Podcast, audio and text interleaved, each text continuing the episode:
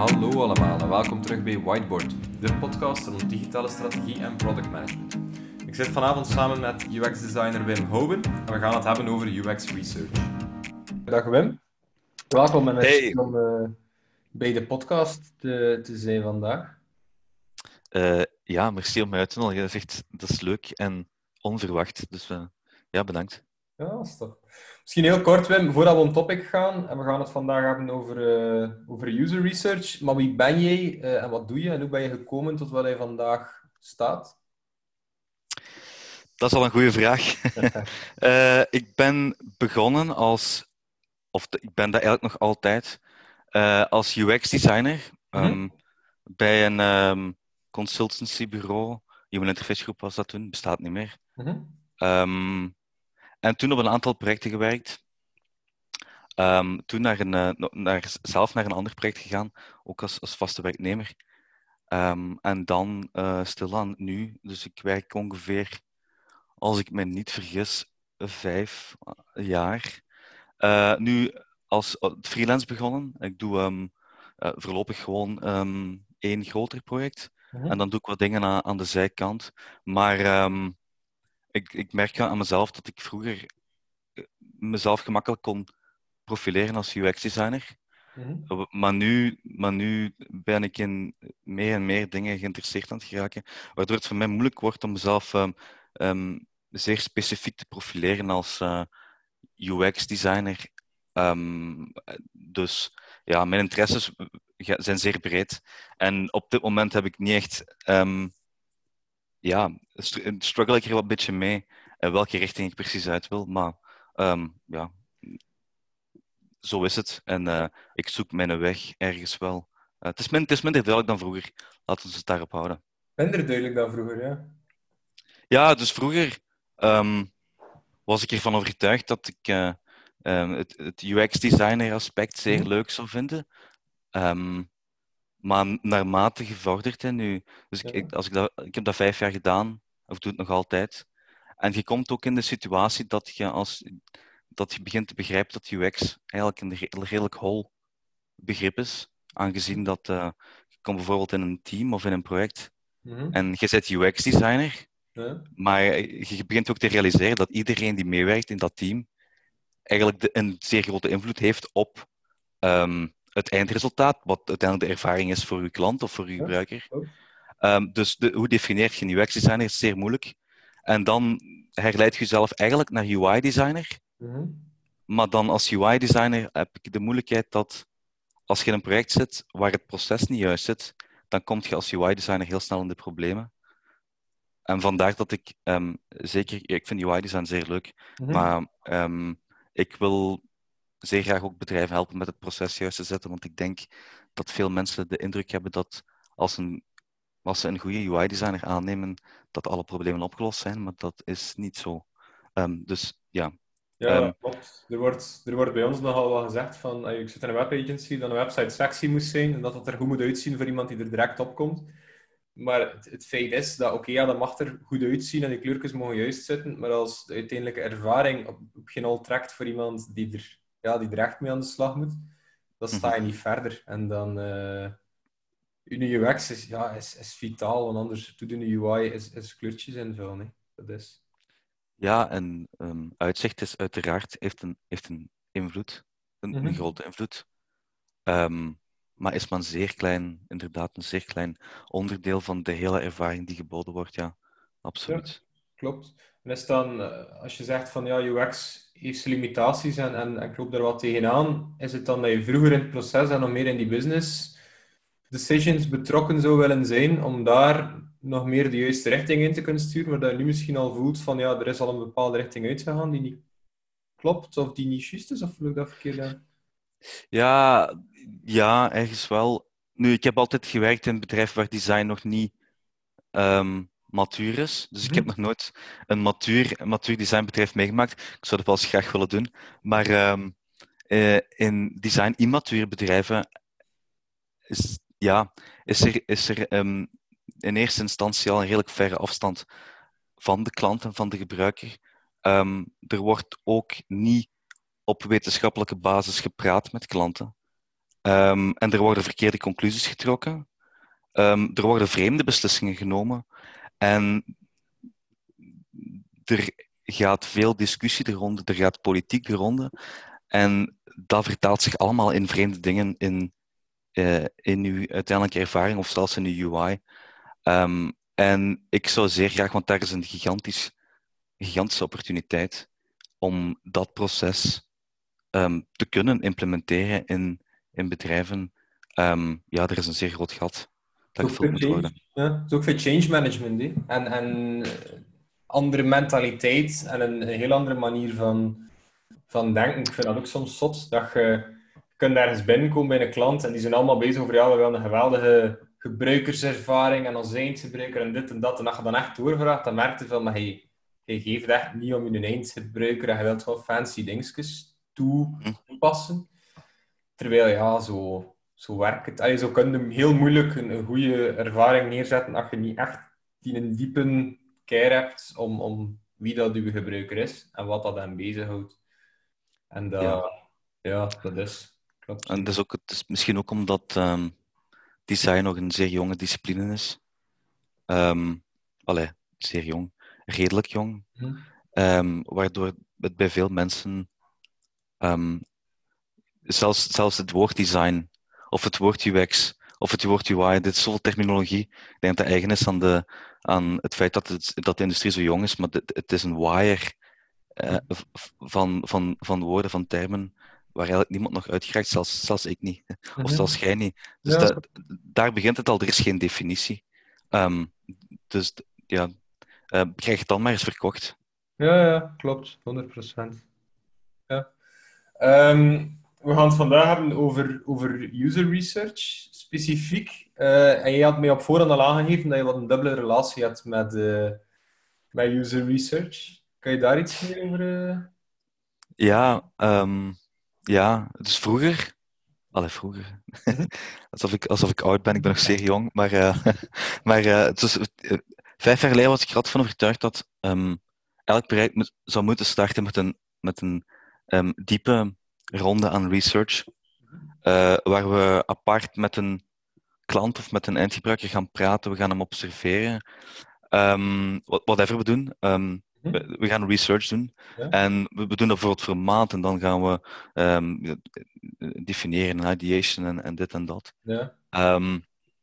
maar nu, nu ik meer en meer of verder sta of meer projecten gezien heb, ja. ben ik daar precies minder van overtuigd, omdat Um, user research aan zich um, brengt wel wat moeilijkheden met zich mee. Om in, in de eerste plaats is research verkopen in een bedrijf is al zeer moeilijk. Um, je krijgt dat bijzonder moeilijk verkocht. We willen met gebruikers praten voordat we aan een project beginnen, omdat je ja, dan specifiek in, B, in B2B-sectoren altijd in clinch zit met sales die dan sowieso al met klanten en gebruikers praat. En dan, als je dan de kans hebt om het te doen, uh, het, is, ja, het is heel duur. Hè? Um, daarom krijg je het moeilijk verkocht. De, een, een, een researchfase um, kost bijzonder veel geld en, en, en tijd. Um, en dan als, als je de kans krijgt, dan nog is het zeer moeilijk om het juist te doen, want je hebt bijzondere ervaring nodig met het stellen van juiste, unbiased vragen Um, blijven graven naar dingen, waarom mensen dingen willen. Um, en je kunt het zo, um, door het fout te doen, ook de, volledig verkeerde kant uitsturen. als mensen vragen aan klanten of aan gebruikers, wat wil jij of wat heb jij graag? dat is al genoeg om ineens het volledig verkeerde te bouwen. Uh, en dan dat pas een jaar later merken als niemand koopt. dus dat is heel tricky. Mhm. research doen. En ik denk ook dat als er een lange periode aan research is, dat er ook vaak vergeten wordt uh, om de oplossing nog te valideren. Omdat we, kijk, we hebben veel research gedaan, mhm. de, er is dit uitgekomen. Um, ze willen dit, hebben ze letterlijk gezegd, dus we gaan dat bouwen. En, mhm. en dan uh, uiteindelijk uh, komt, er, komt er niks van, omdat we uiteindelijk merken dat we het verkeerde gebouwd hebben. Um, dus research is heel, ja, is heel tricky. En um, vandaar dat um, nu um, ik er zelfs aan zou denken dat research. Research is, is, is nice om mee, om mee te nemen, maar ik denk ehm, zelfs niet helemaal nodig. Aangezien, aangezien dat je zelfs ehm, zou kunnen uitgaan van een aantal assumpties. Ehm, we denken dat er een probleem is in de markt. we maken instant een prototype en gaan dat prototype valideren. En dan krijg je veel meer of veel concretere feedback. Uh, als mensen dingen zien, in plaats van als ze gewoon over hun leven vertellen. Als ze over hun leven vertellen in de eerste researchfase, um, je krijgt al die, al die data, mm um, vagere data dan, dan als je iets laat zien, maar je krijgt data, mhm. maar dan nog is het een interpretatieoefening die je moet maken. En die data kan ten eerste al verkeerd geïnterpreteerd worden, fout gecommuniceerd worden. Um, en dan heeft, het nog geen, heeft de research nog geen bewijs dat wat je op basis van die eerste researchfase gaat bouwen, of dat effectief het juiste is. Um, dus ja, de research is gewoon heel moeilijk te verkopen.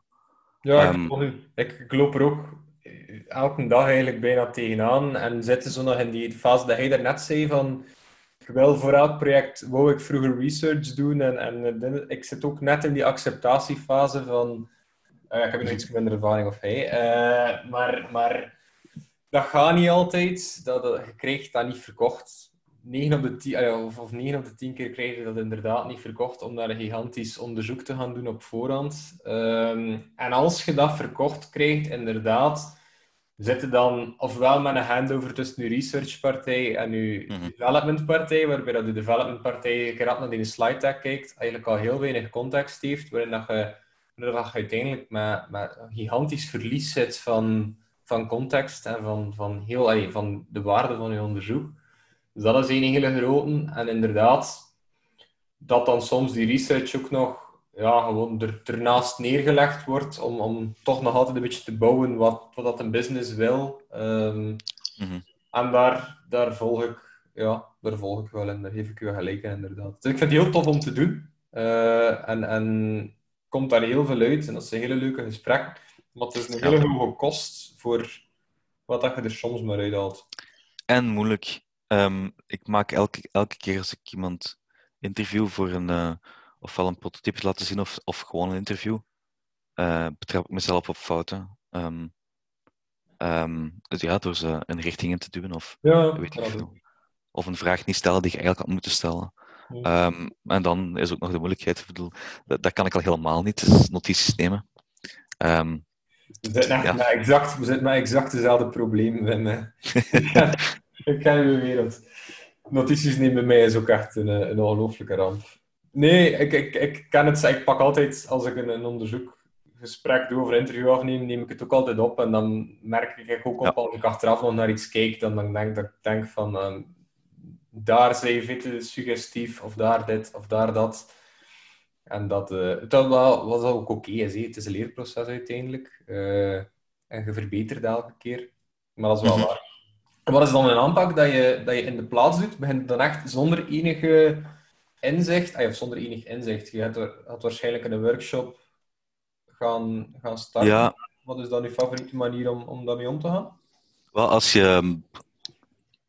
Stel, je komt aan op een project. Hm? Um, je begint nooit van het, van, je begint natuurlijk nooit van niks. Er is altijd een assumptie van, um, ja, wij denken dat er een probleem is in de, in de markt en wij willen daarop springen, want niemand anders doet dat. En we denken dat we daar uh, iets winstgevend kunnen maken of, of, of, of dat we daar uh, een product voor kunnen in de markt zetten. Um, dus er is een assumptie. Men denkt dat er een probleem is. En misschien is dat wel genoeg om al iets te gaan, gewoon, gewoon iets te proberen. Mhm. Ehm, dus van, vanuit die assumptie um, al iets beginnen maken, een, een, een voorstel om dat probleem op te lossen. En dan op basis daarvan zeer snel dat idee te gaan valideren. waardoor je, ja, ik, ik vind dat je bij, als je, als je een prototype test en je laat mensen dat zien, of je laat mensen dat vastnemen, of je laat mensen dat gebruiken, dat je veel, veel, veel betere feedback krijgt of die feedback veel beter kunt vertrouwen dan dat je gaat peilen naar um, mensen hun gevoel zonder dat ze, dat ze het gezien hebben. Ehm, en ik denk dat die, ja, die eerste assumptie is er altijd. Um, anders is er geen bedrijf of geen bedrijfsidee. Ja, en een idee komt... Ja. Dus word je ja, er meestal niet bijgehaald, inderdaad. Je wordt er meestal bijgehaald om iets op te lossen en om, een, om iets... Allee. Ja. Zo. En een idee, een idee komt altijd... Is, is, een, is meestal een good feeling, hè. Het is niet dat iemand met een idee voor een start-up um, eerst tonnen aan research gedaan heeft. Ik bedoel, die, die, ja, een idee komt naar boven en, en die assumptie is er. En waarom niet meteen die assumptie testen?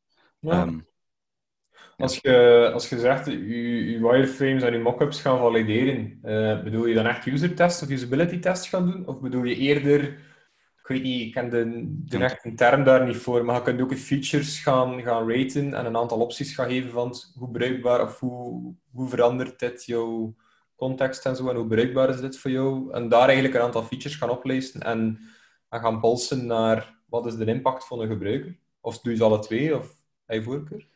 Uh, ja, het, alle, twee, alle twee zou ideaal zijn.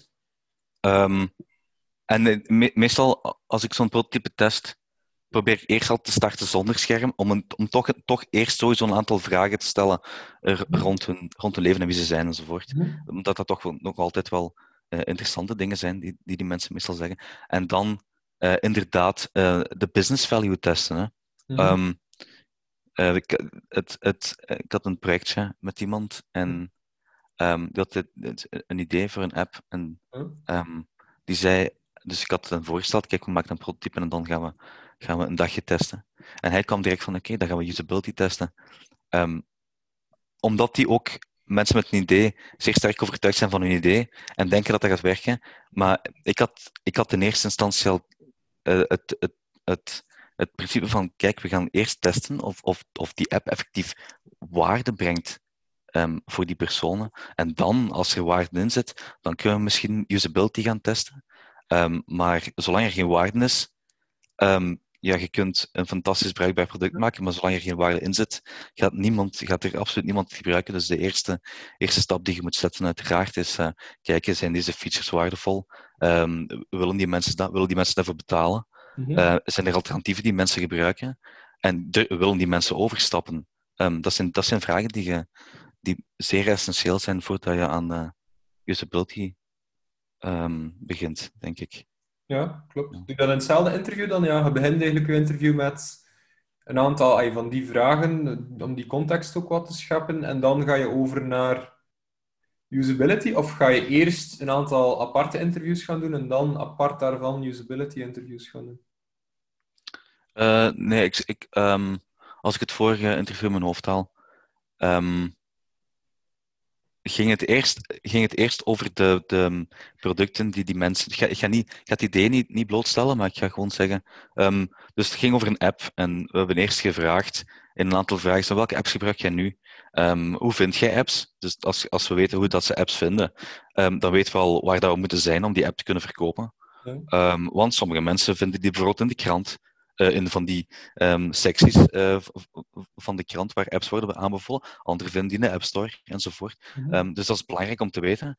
Um, en dan vragen we ook naar, ja, voor dit het probleem dat wij willen oplossen, welke dingen gebruik jij nu? Hoe los je dat probleem nu op? Mm -hmm. en dan vragen we hen van, kijk, aan een aantal vragen vragen we hen, kijk, mogen wij dit prototype een keer laten zien? Uh, en dan gaan wij stap voor stap. We geven een, ja, je kunt een dag geven uh, of je kunt het er zelf doorgaan. Als je hun het prototype geeft, kunnen ze het gebruiken. Uh, maar vorig jaar hebben we het gedaan, omdat er wat, wat moeilijkheden in de design tool zaten, was dat niet zo gemakkelijk. Dus hebben we hen um, hebben we het gewoon getoond. Maar dan, dan is het van open vragen te stellen. Um, wat zie je hier? Wat denk je daarvan? Um, hoe kijk je daarnaar? En dat komt er, dat komt er daar wel allemaal uit. En je krijgt daar wel redelijk goede feedback op, omdat mensen daar wel automatisch, want ze weten dat ze in een, in een test zitten. Mm-hmm. uh, en we, we, zeggen hen ook van, kijk, um, geen pamper, pamper ons niet. Um, wees zo eerlijk mogelijk. Uh, antwoord eerlijk, denk luid, denk luid op. Mm-hmm. Uh, zeg alles wat er nu opkomt. en dan komen die, als je, als je één of twee open vragen stelt, um, van beschrijf eens wat hier op scherm zit, hoe zou je dat gebruiken, of, of, of, of eender wat. als het maar open is, dan komt er wel, dan komt er wel genoeg informatie uit om, om te gaan bepalen of er, of er waarde in zit of niet. Uh, ja. Is dat een En groot dat verschil om, om te testen zonder dat een gebruiker erdoor gaat? Of als hij er zelf door gaat? Of komt dat eigenlijk... Het, het, eerste heb ik nog nooit gedaan. Of komt dat eigenlijk op hetzelfde neer een beetje? Uiteindelijk begint hij te babbelen en, en navigeer jij gewoon wat hij normaal zo... Ja, ja, ja het- eigenlijk is het idealer moesten we hem, eh, hij, hij of zij, ehm, het ding in handen duwen. Mhm. Ehm, maar nu ging dat al, al moeilijker, omdat ehm, het was sowieso remote. Moest ik het echt live kunnen doen, zou ik mensen uitnodigen, Mhm. omdat je... Ik gebruik Figma om prototy- prototypes Mhm. te maken. En je, hebt, je hebt daarvoor Figma Mirror, is een app. Ja. En als je kunt die prototype projecteren op een gsm. Dus het zou er echt uitzien alsof het er echt zou uitzien. Ehm, en dat is nice om die interactie ook, ook mee te krijgen. En dan zie je ook ineens usability. Ja. Ehm, maar als je enkel de business value wilt testen, is het genoeg om te laten zien. En je kunt zelfs vragen: ehm, hey, wat ziet je op het scherm? Waar zou je op klikken? Eh, wat denk je dat dit betekent? En dan ook heb je een indruk van usability. Niet perfect, maar, maar ja, genoeg om een eerste idee, zeker om een eerste idee eh, te gaan valideren. Ja. Ja, chic. Heb daar veel van gezegd? Ik leer nu nog heel veel bij. Ah ja, of iedere, keer, ah, iedere keer dat ik naar een, een vorig interview of zo keek, merk je van, Mhm. ah, ik ben dat vergeten vragen, ik heb dat, ik heb dat. Wat zijn zo de grootste dingen dat je in het begin ja, deed, dat je nu van denkt van, allee, wat, waarom, waarom deed ik dat zo? Of, of dat moet, moet ik echt volledig anders doen? ja, ik heb ooit, ik heb een aantal keer geprobeerd en het vragen te stellen en notities te nemen. Mhm. Dat, dat, doe ik, dat doe ik niet meer, want dat gaat, dat gaat niet. Ehm, ik, ehm, dus ik, heb altijd, ik probeer altijd iemand bij me te hebben die, ofwel neem ik de notities, ofwel neemt hij of zij de notities. En dan ook heb ik zeer veel moeite om soms eh, unbiased vragen te stellen. Ehm, eh, leading questions. Ja. Is, is, is echt moeilijk. En dus, dus een leading question is zo ingeburgerd in, in hoe dat wij vragen stellen, dat het zeer moeilijk is om dat uit te zetten. Gelijk, ehm, de, de vraag alles goed met u is een leading question. En ja, als jij, als jij vraagt alles goed met u, uiteraard zeggen wij ja. Mhm. Iedereen zegt ja. Ja. Er is niemand die zegt, oh nee, het gaat niet goed met mij. Bedoel, dat gebeurt niet. Mhm. Ehm, en, en ook dat effect heb je in usability testen of in, ja, gewoon in de validaties. En daar moet je zeer, zeer hard mee oppassen. Ik heb een, over laatst heb ik een zeer goed boek gelezen. De Mom, de mom Test eh, van Rob Fitzpatrick. En dat is een gigantisch goed, ehm, klein, re- leest redelijk snel, ehm, dat je uitlegt hoe dat je eh, van die gesprekken, van die validatiegesprekken of van die eerste interacties met klanten, hoe dat je dat beter ehm, doet dan dat je dat nu doet. Ja, eh, dat is me, ja, zeer goed boek. Echt iedereen, iedereen die in, in, in technologie werkt, zou het moeten lezen. Ja, Ja. shit, interessant. Ik was, eh wanneer was het? Twee dagen geleden, vorige week, zoiets. Ik weet niet. Van onze designers aan het spreken. eh, en een senior designer, eh, die ook freelance bij ons zit, als, als design director of, of whatever.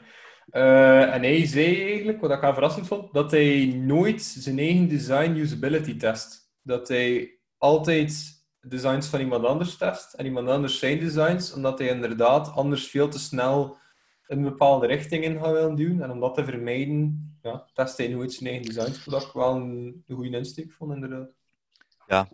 Ja, dat, ja, inderdaad, dat is ook zo.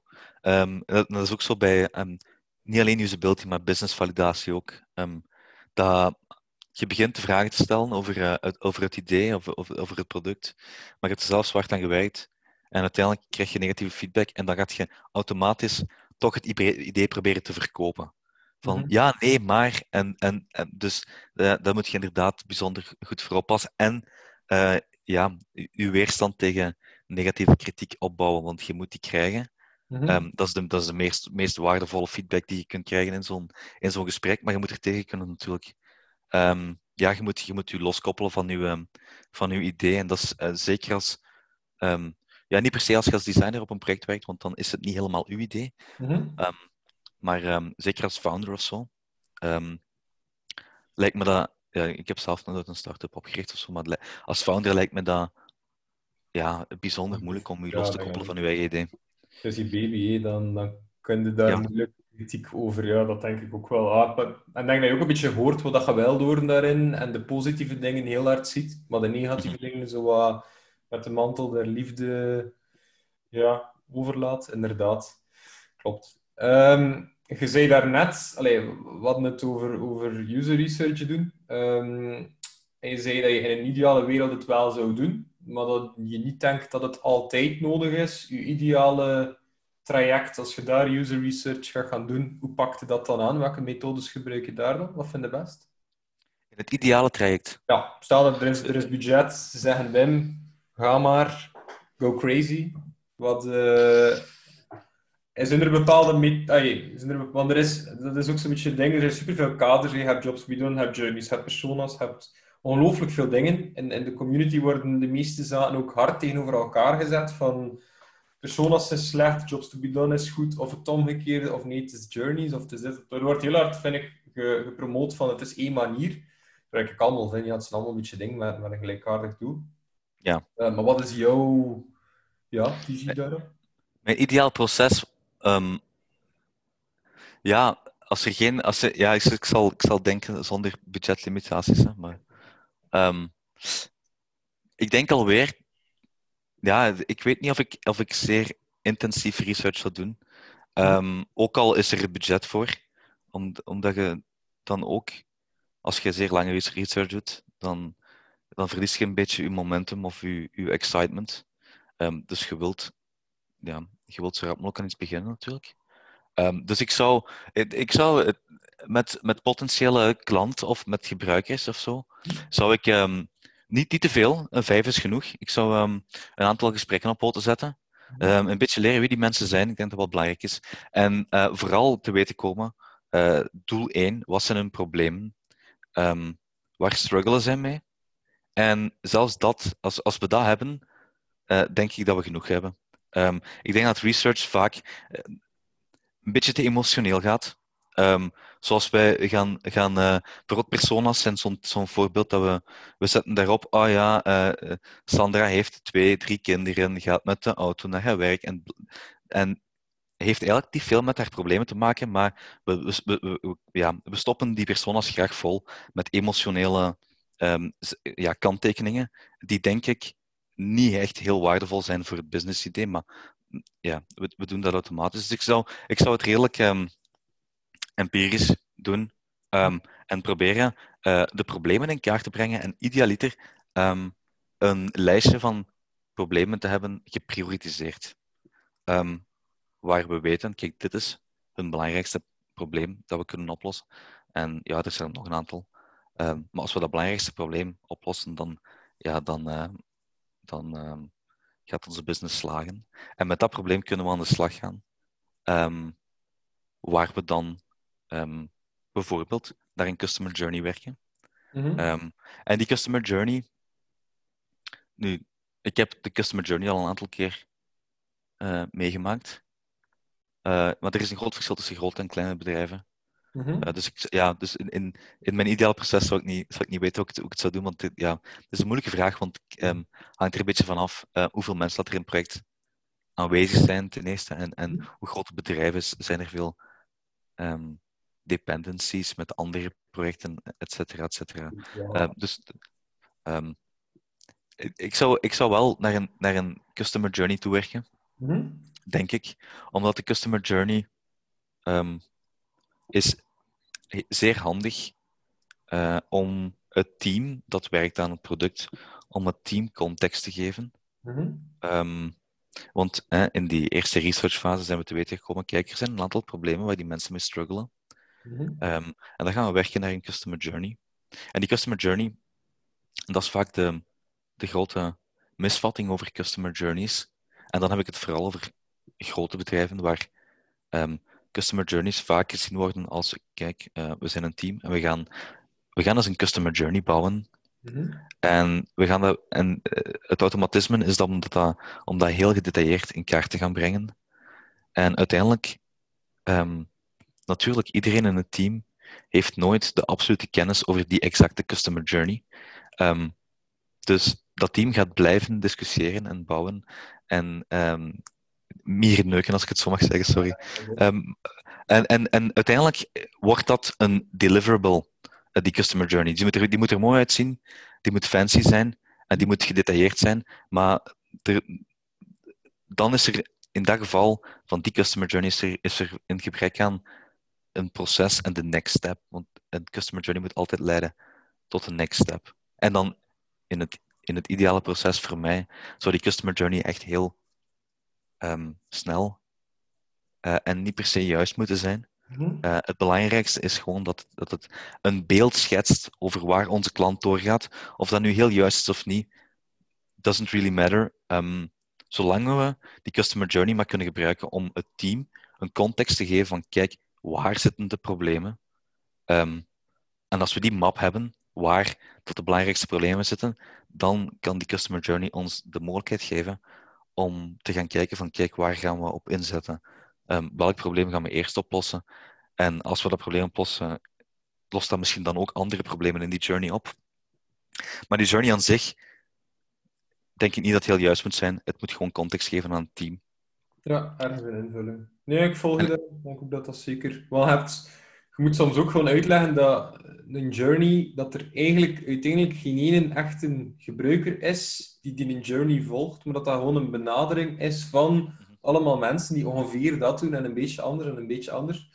Maar het is soms een heel proces om dat al te beginnen uitleggen. En ik denk ook, die hele fancy journeys en die hele fancy personas en zo, die belanden volgens mij heel veel gewoon in een schuif of in een mailbox ergens. En dat is mijn grote frustratie bij zo'n ding, is dat je moet daar een mooie deliverable bij hebben. Dat is bij ons ook zo, mag dat niet zeggen op de podcast. Uh, maar je moet daar een mooie deliverable van hebben. Je levert dat af, maar daar wordt daar niks mee gedaan. En zoals hij zegt, hé, als er niks mee gedaan wordt, ja, wat zei er dan mee? Waarom heb je het dan gedaan? Um, en dat is, dat is wel een probleem, inderdaad. Hetzelfde geldt voor, inderdaad, je zegt, hetzelfde geldt voor personas. Ik heb al een heel aantal keer personas gemaakt. Of personas gekregen van mhm. een vorig team dat aan gewerkt heeft. En die personas, personas zijn zo moeilijk, want die worden heel vaak gemaakt, maar 90% van de keren belanden die inderdaad ergens in een schuif en die komen daar nooit meer uit. Um, dus ja, Customer Journey is, is ook een moeilijke oefening. Maar Customer Journey lijkt me gemakkelijker om te implementeren in een proces, terwijl de, de persona lijkt mij, of, of iets, iets ja, lijkt me moeilijker om um, ten eerste hem, te gaan op, opstellen en er dan uh, sowieso een next step aan binden, want er moet altijd een next step zijn. Um, Customer Journey is een oefening. Een persona zou eigenlijk ook een oefening moeten zijn, geen deliverable. Ja. Je hoort ook veelal, of, of je weet, als je er dan krijgt die door een andere partij gemaakt zijn, weet je meestal niet. Je ziet hoe dat ze eruit zien visueel en je kunt lezen wat erin staat, maar je weet niet wat erachter zit. Dus dat kan puur assumption-based zijn op een halve dag en dan een beetje design ingestoken. Of dat kan, mm kan daar 40k aan research achter zitten. En het eigenlijk meestal... Allez, je kunt dat wel wat horen van, van de partij, van ja, ze hebben er veel tijd in gestoken en dit en dat. Maar veelal weten niet wat, of dat, dat wel klopt, dus dan sta je toch weer bij af. En dan inderdaad sta je daar. Ja. Ik heb, ook, eh, ik heb ooit zo heel lang aan personas gewerkt. Um, en uiteindelijk, ja. Het, ja dus met, dat was het grappig, dat project met iedereen intern gaan praten over die persona. Um, dat heeft een maand of zo geduurd. Mm uh, uh, en, en, iedereen informatie gaan vragen over, kijk, wie is onze klant? Uh, Um, hoe gedraagt hij zich? Wie is dat? Um, en uiteindelijk is het zeer fancy personas gemaakt. maar ja, uiteindelijk niks mee gedaan. En dan begint je te realiseren van, kijk, ja, wat heb ik nu eigenlijk gedaan? Ik heb een persona gemaakt, maar, maar ik vind hier geen aanknoppunt naar een volgende stap. Ja. dus dan, ja, maar dat project had meerdere, had meerdere problemen. Ja, dat klopt. Oh. Dan uh, met die journey, dus dan moet je naar een conceptfase, je moet iets gaan uitwerken. Je werkt ook nog veel met design sprints, of je doet nog veel design sprints? Of je daar de grote... Ja, ik ben nog altijd een grote fan. En er zijn veel mensen die, die, die, uh, die nu gaan vloeken. uh, want er zijn ook veel tegenstanders van design sprints, als ik dat zo lees.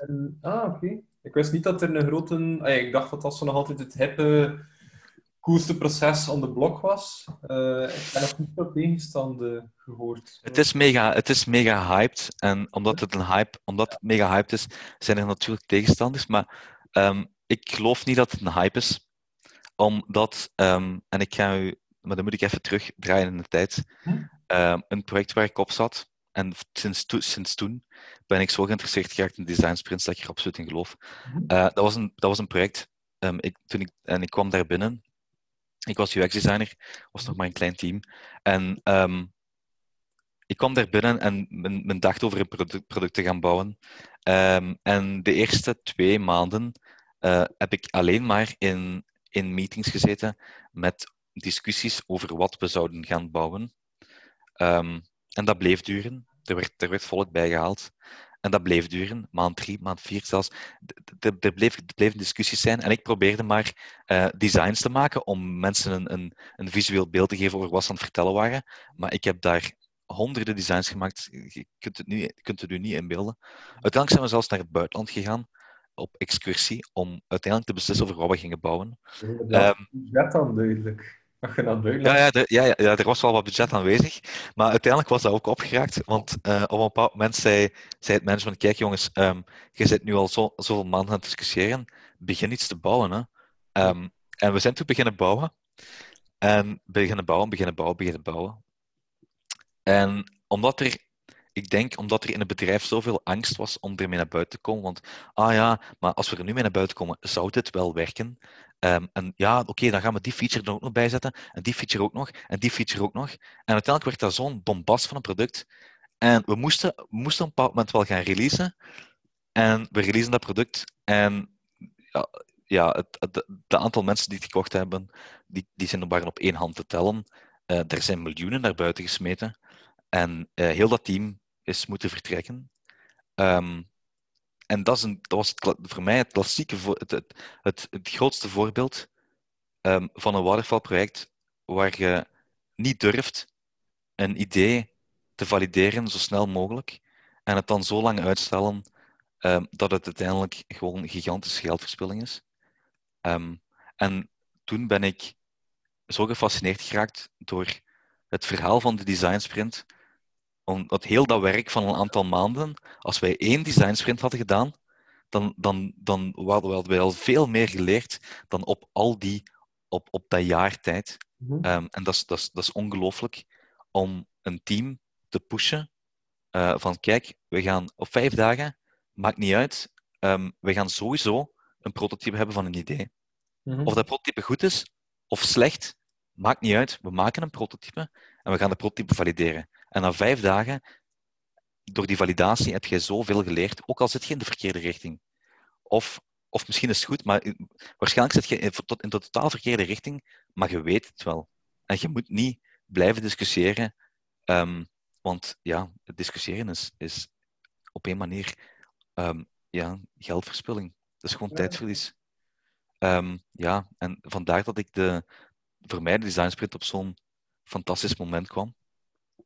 En um, ja, ik heb er nu een aantal uh, gedaan. Uh, en dat is naast het feit dat het werkt voor mij en voor, meestal voor de teams waar, ik voor werk, uh, is het ook gewoon leuk om te doen. Um, het, is, um, het is een fantastisch proces en het elimineert dingen die, waar ik zelf niet goed tegen kan. Gelijk ja, interne politiek en discussie. de, meestal in van die meetings design meetings die niet gestructureerd zijn, uh, is het vaak de luidste die wint. Mm -hmm. En de luidste die zijn, die zijn um, mening kan doordrukken. Um, en als er dan nog eens politiek in het spel is, en wat ik, wat ik daar straks al zei, geraken er echt vreemde dingen in een product um, die je daar niet in wilt. En de design sprint elimineert dat. Ja. Um, elimineert discussie bijna volledig. En dat is fantastisch, want ik denk dat, um, het product-designproces uh, zeer ten goede komt. Klopt. En dat is ook om, om daar nog op in te pikken. Als facilitator vind ik dat echt geweldig tof dat je weet waar dat je aan begint, je weet waar dat je moet doorlopen, welke oefeningen, en je weet waar dat je eindigt. En je kunt, zoals hij zei ook, een bepaalde een meeting rond design, je weet waar dat je begint, en dan meestal begint iemand eindeloos lang over een bepaald onderwerp en gaat iedere keer weer die stress van ja, wat gaan we, hoe gaan we het nu aanpakken? En Mhm. Hoe, hoe pakken we het volgende aan en hoe zit dat in ook? Of, of, iedere keer die workshop bedenken om dan toch eigenlijk volledig gehijacked te worden door iemand die over iets anders begint na te denken en die, die Mhm. mm tussen ramt. En inderdaad, met een design sprint zit in een afgeleid proces. En, en je kunt daar ook gewoon, je hebt hier een timer om hard te zijn en om te zeggen, ja, het is gedaan, nu is het op Ja. dat volgende, want we hebben maar een week. Dat vind ik een heel tof. Wat ik wel moeilijk vind aan design sprints, en daar wil ik graag aan u denk keer over horen, we gaan zeggen, inderdaad, je zit misschien volledig in de verkeerde richting. Nu, ik werk in een agency en dat is wel moeilijk, of dat is moeilijk om uit te leggen aan een bedrijf, dat je zegt van ja, we gaan een concept maken, dan gaan we dat testen. En ik, ik sta er ook volledig achter. Hè. Maar dan kan het zijn dat we het volledig in de vuilbak gaan moeten smijten. Heb je dat al veel gehad? Dat je een design sprint doet en dat je dan denkt van ja, we zijn echt niet juist volledig van nul opnieuw? Of is het niet Eh, inspiraties? Nee, ik heb nog nooit gehad. Ik heb nog niet gehad, maar ik heb er nog niet veel gedaan. Hè. Maar die, die, die, die laatste die ik gedaan heb met die, met die maat ehm, die een app wou bouwen. ehm, ik dacht in het begin dat daar, dat daar niet heel veel waarde in zat, omdat er al veel concurrentie en zo eh, in die markt zit.